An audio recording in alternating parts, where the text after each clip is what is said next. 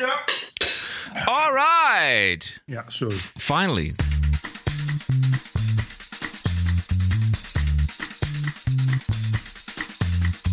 This is the TPO podcast. Ranting and Reason.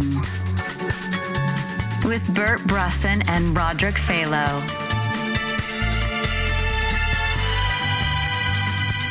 Forum voor Democratie en de Partij van de Arbeid kruisen de degens in Amsterdams café. Zelfs NRC Handelsblad keert zich tegen de sleepwet. Bolkestein deelt uit. 50 miljoen Facebook-vrienden bespioneerd. En Trump doet wat hij gewend was om te doen: medewerkers ontslaan. Who would fire the Secretary of State, treat him like a piece of garbage? You wouldn't fire a busboy in a restaurant like that. Welkom bij aflevering nummer 59. This is the TPO podcast. Het is voor de verandering zondagavond 18 maart. Bert is terug op de Canaria's. Is er een temperatuur in Nederland waaronder eh, voor jou een vliegticket geactiveerd wordt? Ja, ik heb alles vanaf de 0 graden automatisch ingesteld eh, staan. Wordt automatisch een ticket besteld bij Transavia. Precies, het was weer eventjes koud in Nederland en huppatee is weer weg. Laten we beginnen in Nederland met de gemeenteraadsverkiezingen en het referendum van aanstaande woensdag. In Amsterdam een eh, spontaan debat over van wie is de stad. Ontstaan op Twitter, rivalen Annabel Nanninga van Forum voor Democratie en Marjolein Moorman van de Partij van de Arbeid. En in no time stonden de dames tegenover elkaar in een café in de Dapperbuurt in Amsterdam-Oost. Het ging over Airbnb en over de drukte in de stad en over sociale huurwoningen. Eh, Iets te lokaal voor deze podcast. Maar er werd tenminste met elkaar gedebatteerd. Annabel, je zit nu nog niet in de gemeenteraad en ik wil je meteen eigenlijk een compliment geven. Je bent de afgelopen jaren heel vaak heel boos geweest. Je hebt zelfs gezegd, ik ga verhuizen uit deze kutstad. Afgelopen augustus zei je het nog. Je hebt alleen maar eh vuil gespuit eigenlijk over deze... En ik ben heel blij dat mensen die boos zijn uiteindelijk gewoon mee gaan doen. Dus ik vind dat dat absoluut een compliment verdient. Beschaafd, open, spontaan. Zo mooi kan democratie zijn, Bert. Geweldig. Die eh Marjolein Moorman die heeft nu cursus gehad. Want het is een hele zure PvdA-fakes. En die heeft haar hele leven... Ja, eigenlijk moet echt gewoon de mensen ontmoeten. Dat moeten ze nu dus ineens wel doen. Want de PvdA zit helemaal nergens meer. Dus die moeten nog iets. Eh, en die Moorman die heeft nu, denk ik... Die heeft nu cursus omgaan met mensen gehad. Onder andere bij een incident. Dus die zegt de hele tijd Annabel aan het begin van de zin. En midden in de zin. En aan het eind van de zin. Annabel, ik ben heel blij dat jij eh, nu als boos mens, Annabel... eh, gewoon blij, blij meedoet. En dat je toch ook nu inzet voor de stad Annabel. Is een soort, soort psychologische mens met cursus. Het idee is volgens mij dat als je mensen bij een voornaam aanspreekt... voelen ze zich veiliger of zo. Ja. Terwijl gezonde, normale mensen denken dan... ja, dat is iemand die geschift is. Want die spreekt me de hele tijd met mijn voornaam Nou, dat ben ik niet helemaal met je eens. Want zo werkt het. Ik begrijp best dat in het gewone leven. en bijvoorbeeld in deze radioshow. als je mij voortdurend Roderick noemt en ik jou Bert. dat het dan irritant is. Maar eh, het is al een hele onnatuurlijke situatie. Niet alleen op de radio, maar ook vooral in zo'n debat waar je eh, op een aantal stellingen heel kort moet reageren. En dan is zo'n cursus helemaal niet zo gek. Het werkt wel, want ik vond haar eh, zeker niet slecht, mevrouw Moorman. Oh, ga je nu PvdA stemmen? Roderick? Nee, dat staat er helemaal los van. Los van de inhoud. Maar ik vond dat ze eh, k- qua prestatie. Ik vond het sowieso leuk dat ze inging op het aanbod van Annabel. Sowieso ook heel goed van, van Annabel Nanninga om dat aanbod te doen. Geert en Waling was eh, de, de moderator. Dus dat, het, Oh ja. liep, het liep allemaal prima. En, eh, twee, volgens mij twee of drie stellingen waren het. Maar eh, mevrouw Moorman van de Partij van de Arbeid deed het toch ook buitengewoon goed, moet ik zeggen. Oké, Ik Bert. vind het heel leuk eh, dat je dit zo aan mij vertelde. Is er anders nog iets wat je aan mij wil overbrengen, Roderick? Nou, behalve dan dat de landelijke peilingen van Maurice de Hond eh, vandaag eh, Forum voor Democratie eh, neerzet als tweede partij van Nederland. Oh ja. na, na de VVD en voor de SP nog. Maar het gaat allemaal vooral ten koste van de PVV. Ja, die gaan niet zo goed, hè? Dat is wel een dingetje. Dat Min sowieso 7 dat- geloof ik. Ja, maar het is ook echt... ehm, ik weet dat, want ik zit natuurlijk eh, in die hoek op internet, zou ik maar zeggen. Is ook sinds, sinds, sinds Thierry kwam met het forum, is PVV ook gewoon niet meer ja, non-existent. Er was, Want alle ophef ging vroeger over Geert Wilders en de PVV. Ja, die gaat nu alleen nog over Thierry en het Forum voor Democratie. Ja. En eh, ja, hij heeft nu, nu dat filmpje waar, waar dan, weet je, maar dan, ja, dat is natuurlijk, natuurlijk ja, het is gewoon, hij heeft gewoon geen, geen, geen, ge- geen breekijzer meer Nee. om, om, dat te, om dat te forceren. Het is heel Nee. raar is dat. Het is heel raar, want het, het, het, het, maakt het eigenlijk alleen maar erger, naar mijn idee. eh, met zo'n filmpje bijvoorbeeld waar het alleen maar over de islam gaat. Het, dat is ook zijn speerpunt. Maar daardoor verengt de partij nog meer naar een one-issue partij. Terwijl dat was het vroeger niet per se. Want ze hebben altijd, zoals met Fleur Agema bijvoorbeeld, eh, altijd breed ingezet Ja. ook op, op volksgezondheid. Eh, Ja. Nou ja, Enk en Ingrid, zal ik maar zeggen. Dus het was echt, echt in de basis juist die brede volkspartij. Uh, wat volgens mij ook een groot deel van het electoraat uh, daarom PVV stemde. Maar dat is de laatste maanden ook helemaal weg. En, en ja, die Wilders is ook een beetje, een beetje gewoon helemaal in de marge gekomen op de een of andere manier. D66 verliest ook behoorlijk in de peilingen van uh, de hond. Waar zou dat nou aan ja, liggen? En dat terwijl D66 zo'n goed inhoudelijk verhaal heeft de laatste tijd. Die echt, vooral echt over de standpunten van D66 gaan. En je krijgt bij D66 laatst ook helemaal niet het idee dat ze het van anderen naar beneden moeten halen moeten hebben. Dat ze Nee. echt, echt een sterke partij in hun eigen kracht staat. En ook echt dat, dat insluiten, hè, dat inclusieve en dat tolerante. Dat merk je echt. Dat komt heel erg terug in, eh, in wat D66 in veel gemeentes doet de laatste maanden. Zullen we even kijken naar de sleepwet? Want wat, wat het meest opvallende aan de sleepwet, eh, waar we natuurlijk woensdag ook over gaan stemmen, vond ik eigenlijk het commentaar van NRC Handelsblad. Eh, NRC Handelsblad schrijft: stem tegen. Ja, dat is dan voor het eerst dat we het met NRC Handelsblad eens moeten zijn. Of omgekeerd dat het NRC Handelsblad met ons eens is. Wat nog grappiger is trouwens, is uh, dat het, uit een onderzoek recent blijkt dat vooral dus uh, 65-plussers en babyboomers, die zijn voor die sleepwet. Laat dat nou het electoraat of het publiek van NRC Handelsblad. Als de regering gewoon doorgaat met deze wet, dan ben, wil ik nog wel eens kijken hoe NRC zich ten opzichte van het referendum gaat opstellen. Vandaag was er ook in Amsterdam zondag dus een demonstratie tegen de entree van uh, PVV in Rotterdam en met name ook uh, Forum voor Democratie in Amsterdam. Heb jij daar nog iets van meegekregen van die demonstratie? Want hij was wel deels uh, live te zien op Facebook volgens mij. Ja, het was een een demonstratie ook tegen Annabel Nanninga. Eigenlijk waren alle linkse gekkies uh, van wel eer uh, weer op deze fijne koude zondag uh, bijeengekomen. Om weer eens fijn luid te trommelen en fluitjes te blazen en ludieke leuzen te scanderen. Ja. ja, volgens mij waren het 1500 man. Ik heb die Alptekin Erdogan, dat niet, is geen familie van. Die, uh, is, uh, uh, ja, die doet, maakt ook wel eens podcasts met Bart Nijman van Geen Stijl. Die zond live via Twitter allerlei interviews uit met mensen. Wat eigenlijk af en toe wel onbedoeld grappig was. Het was weer gewoon een sneu bedoeling als altijd. Wat mij wel opviel was dat er nadrukkelijk verboden was om gezichtsbedekkende kleding te dragen. Met name richting de Antifa die dat altijd doen. En op de beelden was toch heel duidelijk te zien dat die Antifa boys en girls hun gezichten bedekten. En um, langs politieagenten liepen die daar verder niks mee deden. Ja, dat viel mij ook op. En je ziet het ook gewoon op de foto's. Uh, inderdaad, die, uh, dat, die black block types die uh, waren gewoon weer met zonnebrillen en sjaals ja. en mutsen op. Ja, ik weet niet, weet je, dit is uh, burgemeester uh, Jozef van Aartsen die uh, iedereen de hand wil reiken. Het liefst salafisten en antifa-fascisten. Dus ja, daar zit er niet echt in dat hij ook nog eens een keer dingen gaat handhaven. Stel je voor dat je in 2018 in Amsterdam ook nog eens een keer de wet moet gaan handhaven als burgemeester. Waarschijnlijk zal hij wel weer thee gaan drinken. En ja, ik, dit is, ik bedoel, in, in, Den Haag gebeurde de hele tijd hetzelfde. Hè, met, met die jihadische demonstraties. Daar werd precies dezelfde klachten over te weinig handhaving. En uh, ja, daar, hij had daar gewoon zijn schouders over op. Ja. Misschien kan iemand ons redden van die burgemeester. Ja, nee. Nou ja, hij zit nog tot de zomer. Tot de zomer.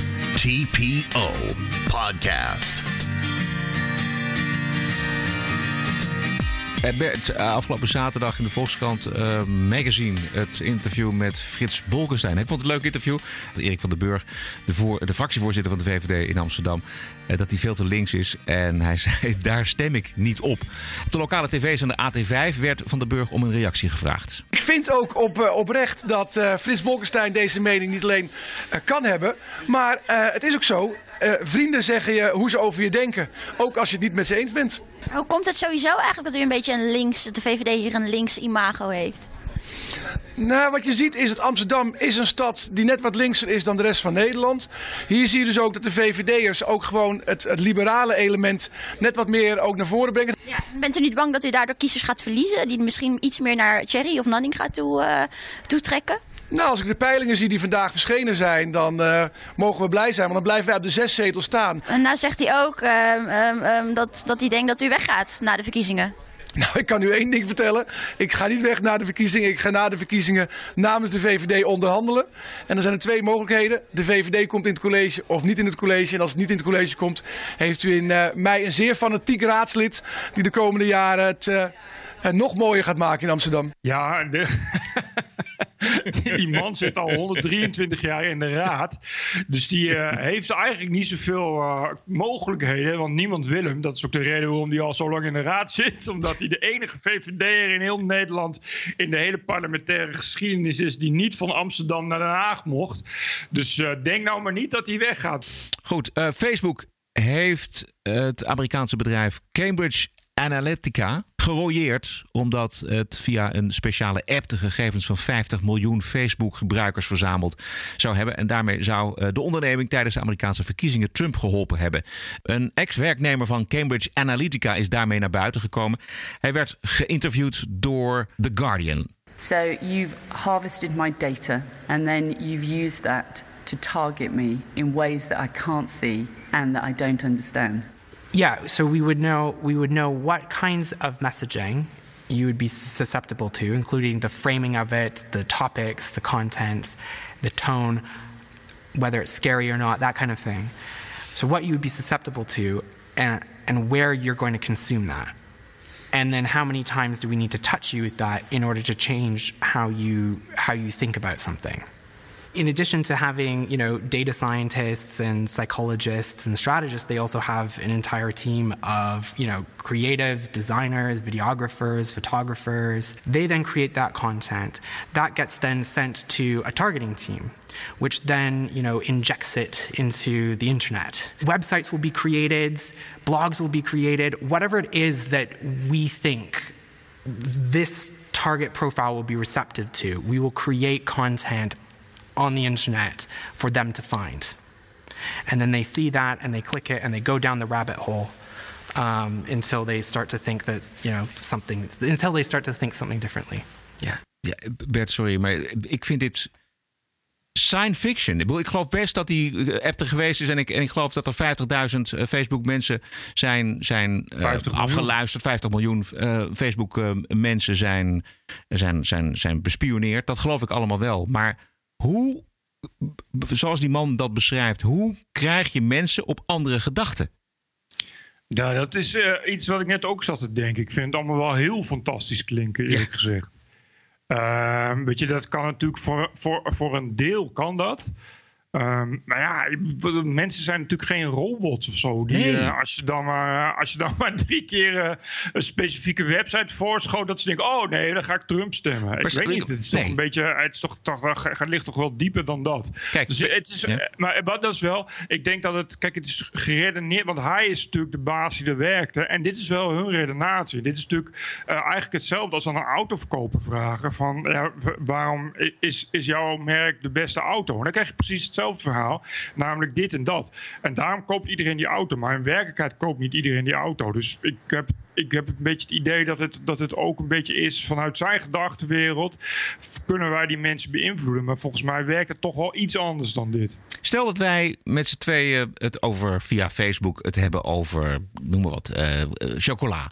En jij zegt ik ben gek op melkchocola. En ik zeg ik ben gek op pure chocola. Hoe krijgen ze mij richting witte chocola, noemen we, om er wat te noemen? Weet je, maar hij zegt van, van we, we, creëren iets op het internet. Dus dan kun je dus inderdaad een leuk filmpje van, uh, van uh, dat jij hebt ook al aangegeven dat je uh, valt op oma's met steunkousen. Dus dan krijg je een leuk filmpje van oma's met steunkousen die witte chocolade eten. Uh, bovendien word je gelokt naar een forum waar chocoladeliefhebbers het ook met elkaar hebben over witte chocolade. Dat was echt een ervaring, die moet je echt eens proberen.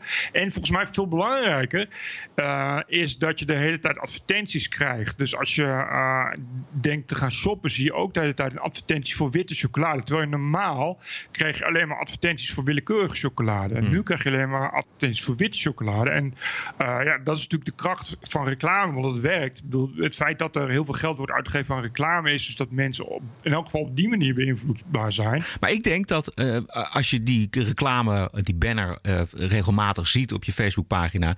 Dat je na twee, drie keer dat je hem wegklikt. Of dat je, dat je denkt dat je nu heb ik het al gehad. Zo zijn mensen inmiddels opgevoed met uh, online reclame. Het irriteert al heel snel. En dus ik, de beïnvloeding, daar zet ik grote vraagtekens bij.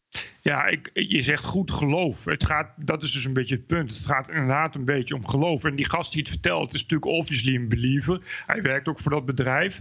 En eh, ja, weet je, in de reclamewereld gaat het net zo. Het is echt gebaseerd op geloof. En het is altijd, ja, nou ja, zoals elk geloof, fundamentalistisch. eh, het idee dat het echt iedereen inderdaad kan bereiken. En in werkelijkheid is dat natuurlijk ja, is het natuurlijk niet zo. En ik, ik heb dat ook. Ik denk ook van ja, weet je, eh, ja, mij kun je wel reclames gaan voorschoten op Facebook, maar het is niet dat ik daar intrap. Weet je, als ik zie klik hier, want korting van aanbieding, dan niet. Dan ga ik daar niet op klikken, want ik weet toch al dat het niks is wat ik wil. Eh, dus het werkt natuurlijk volgens mij maar voor een gedeelte. Dus je kan wel gaan roepen, ja, 50 miljoen gegevens. En dat is waarschijnlijk ook zo'n getal waarvan je dan weer gaat afvragen, komen ze eraan? Want ik betwijfel of nou die app ook 50 miljoen keer was gedownload. Dat was volgens mij veel minder. Ja, veel minder. je dan- Ik geloof iets van 27.000. Als jouw app wordt, gedaan, wordt afgekeken, dan eh, hebben ze meteen ook alle informatie van al jouw vrienden. En dat, zijn, er al heel, ja. dat zijn er al heel snel heel veel. Ja, maar dat heb je minder primaire informatie dan degene die die app downloadt. Want diegene die die app downloadt, die zegt ook elke dag eh, eh, wat hij gaat eten en, eh, en, en, wat hij het leukst vindt in de, in de, in de campagnes. Ja. Dus dat, dat cijfer verwatert heel erg. Weet je, dat is 50 miljoen. Zoals het nu wordt gebracht, is het inderdaad echt van we hebben 50 miljoen mensen op andere gedachten kunnen, kunnen brengen. Alsof het willoze zombies zijn waar Precies. je inderdaad drie toetsen in, in klikt. En hoppakee, 50 miljoen mensen doen wat je wil. Dat is natuurlijk totaal niet, dat is totaal niet het geval. Maar ik vind wel, eh, kijk, van die 50 miljoen is natuurlijk een gedeelte, en daar, daar draait het natuurlijk een beetje om, is natuurlijk eh, eh, volledig afhankelijk van Facebook. En de gedachte is toch wel dat je, dat hebben we dus in, met dat nepnieuwsdiscussie ook gehad, dat je dus inderdaad, als, als je dat Facebook kunt manipuleren, dan kun je in elk geval de wereld van die mensen manipuleren. En wat je dan krijgt, is dat je eh, een wereld hebt waarin normaal elke keer keurig wordt afgewisseld tussen pure chocolade, melkchocolade en witte chocolade. En dan ineens kun je er dus ervoor zorgen dat al die mensen alleen nog maar witte chocolade zien. En dan krijg je dus dat je een groep mensen hebt die op een gegeven moment niet beter weet dan dat er alleen maar witte chocolade te koop is. Ja. Ah, ik vind het allemaal inderdaad hoogst controversieel. En Het, Ja. is, eh, het is nog niet echt een keiharde wetenschap. En het is natuurlijk ook gebaseerd allemaal op eh, psychologische vooroordelen. Waar ongetwijfeld heel veel psychologen ook weer eh, eh, heel veel kritiek op kunnen hebben. En ik heb een beetje het idee, het neigt ook een beetje om, om toch maar weer. Ja, ze willen het graag toch iets groter voordoen dan het is. De grote vraag is of het, of het inderdaad die Amerikaanse kiezers heeft kunnen beïnvloeden. En zo ja, hoe? Instead of standing in the public square and saying what you think, and then letting people come and listen to you and have that shared experience as to what your what your narrative is, you are whispering into the ear of each and every voter, and you may be whispering one thing to this voter and another thing to another voter. Do you think that did change America or played a part in it? Um, I think it probably played a part. I can't I can't say you know for sure whether you know what what was the defining what was the defining factor in in you know getting Trump elected or growing the alt right. Precies, hij weet het dus ook niet. Het is- Dit is niet aan te tonen.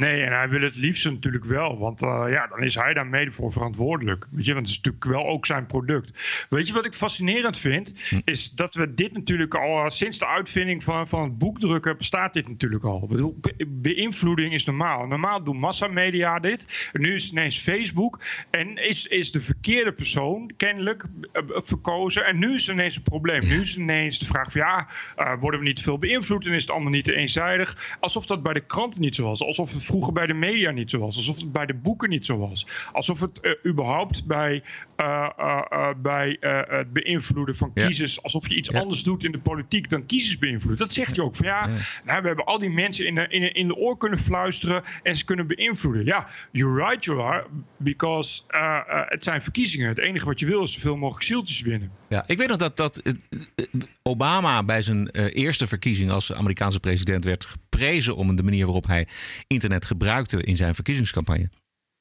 Oh ja, precies. Toen was dat veel, inderdaad, eh, grassroots campaign en inderdaad veel online. Dus veel mensen die zich ook online hebben ingezet. Oh, dat was precies hetzelfde. Dan kon je echt afvragen hoe groot die invloed dan eigenlijk is. Weet je, want ja, het, het zet wel natuurlijk iets aan.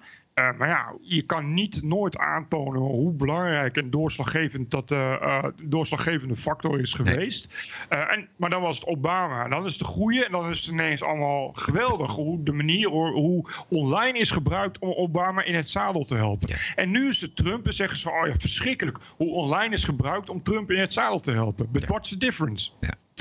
Ondertussen doet Trump wat hij gewend was te doen uit zijn tijd als uh, zakenman, namelijk mensen ontslaan. Hoewel volgens er zijn ook verhalen dat hij juist die klus aan andere mensen overliet, omdat hij dat zo vervelend vond.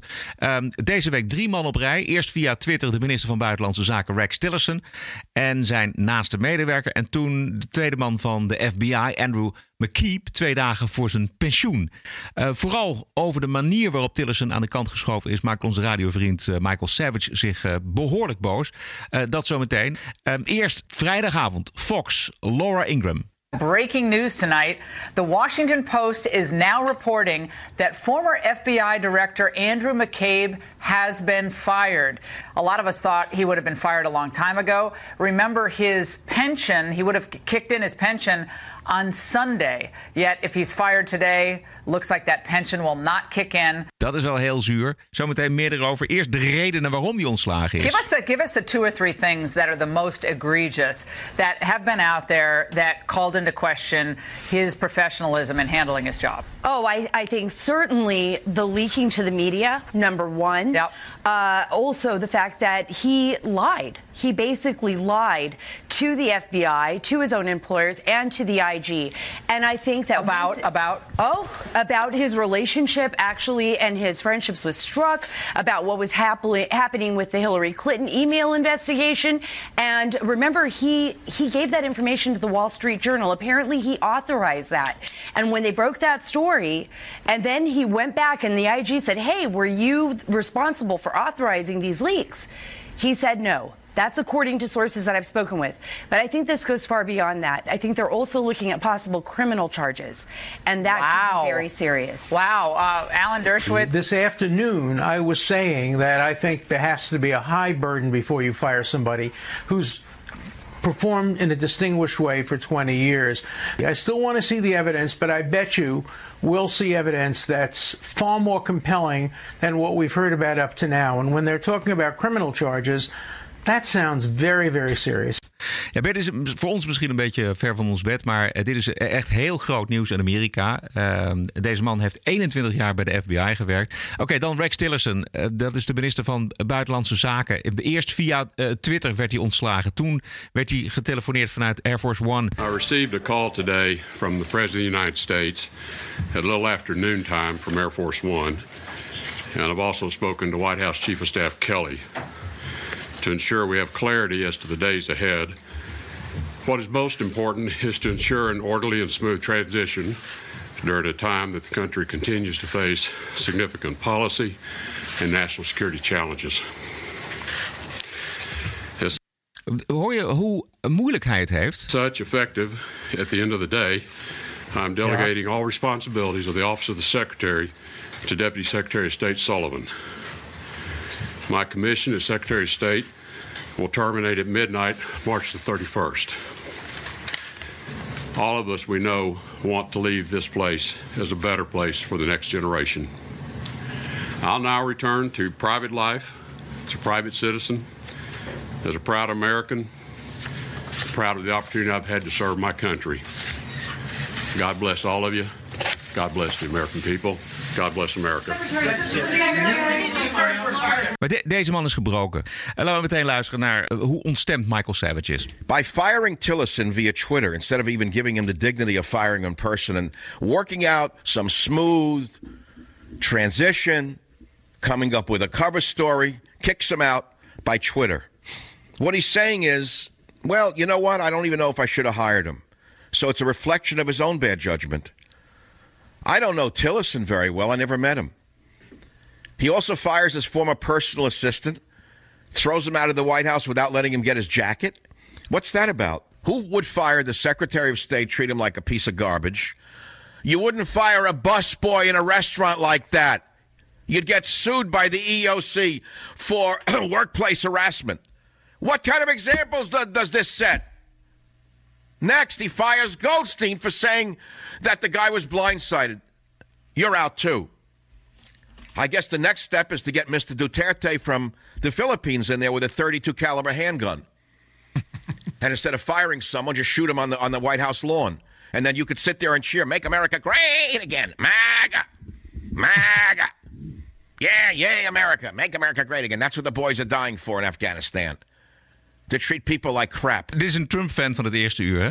Ja, nee, maar goed. eh, Trump uh, niet presidentieel again. Ja, je, het begint er bijna, je begint er bijna aan te wennen. Maar hij heeft wel gelijk natuurlijk. Het is wel echt een, echt een, een hondsberoerde manier van mensen wegsturen. Je kan toch, ja, maar goed, maar dat, dat is ook met, net met die, met die gast dat je twee dagen voor een pensioen en zo. Dat je denkt van, jezus, je kan toch gewoon, eh, ja, dat, dit wordt, eh, weet je, dit soort dingen ehm, ja, worden gebruikt in het hele, in het hele powerspel. Wat Ja, maar daar- ik, ik denk dat op een gegeven moment dat, dat eh, genoeg Amerikanen hier eh, eh, toch ook wel genoeg van krijgen. Ja, nee, eens. Maar of, kijk, volgens mij is het ook een onderdeel van Trump. In elk geval de mensen die ook voor hebben gestemd.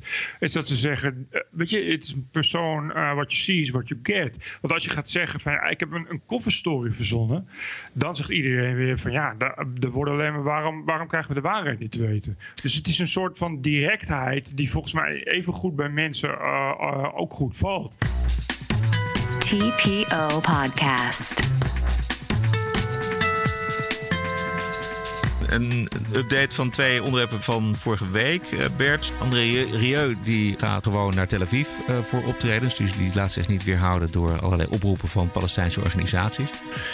En een andere update even van dat grote pedonetwerk van moslimmannen in de omgeving van Telfort. Sinds vorige week is daar de bom gebarsten en worden vertegenwoordigers van die streek in het Britse parlement, eh, Lucy Allen, die wordt overladen met berichten van nog meer meisjes die door dit pedonetwerk zijn misbruikt. I've had many young girls come to me and tell me about their experiences, and certainly in the light of the recent revelations, I have been literally um, inundated with emails from people saying, This happened to me. Only yesterday, I had a consultant psychiatrist telling me that he had had many patients where this had been an issue that had uh, they had consulted him on uh, in terms of the mental health consequences of, of this terrible crime happening to them. So it is clear that it uh, has been going on over many years and that uh, a significant number of young girls have been affected.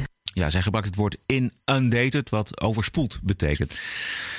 Eh, Bert, heb je nog andere zaken die we even moeten melden? Nou ja, de, van de week eh, eh, was het nieuws dat de baas van de MIVD naar buiten kwam om te vertellen dat de populisme. het kwam erop neer dat als je populist bent, dat je dan eigenlijk een grote vriend van Poetin bent. Want Poetin wil in Europa vooral de maatschappij in tweeën scheuren. Dat is kennelijk wat Poetin gewoon heel graag wil, zeker in Nederland.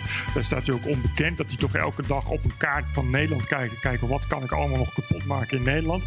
Eh, en dat is, eh, nou, populisten, dat geloof je nooit, maar populisten doen eigenlijk precies wat Poetin wil. Dus eh, nou, het komt er toch eigenlijk op neer dat als je populisten stemt, dat je een soort van bloed aan je handen hebt. Bedoel, hij wil natuurlijk niet suggereren, en hij wil natuurlijk ook vooral niet suggereren dat dat allemaal aan social media ligt, waar populisme toch uh, welig tiert. Maar het is maar goed dat we zulke dappere strijders als de MIVD hebben, die geheel onafhankelijk van de Nederlandse regering eh, toch dit soort hele nuttige adviezen geven aan de burgers. Precies. Mocht u polariserende eh, standpunten innemen, dan moet u zich wel even van tevoren afvragen of u de heer Poetin niet in de kaart speelt. Tot zover deze aflevering nummer 59. We zijn terug volgende week dinsdag 27 maart. Mocht u deze podcast waarderen, dan mag u die waardering laten te blijken. Zeker. Een donatie wordt op hoge prijs gesteld. Ehm, kunnen wij ook door met de TPO-podcast en eh, onze tijd en onze ziel en onze zaligheid in deze podcast stoppen. Ga naar tpo.nl slash podcast voor elke donatie. Heb een mooie week en tot de volgende. TPO Podcast. Bert Bruson, Roderick Balo, Ranting and Reason.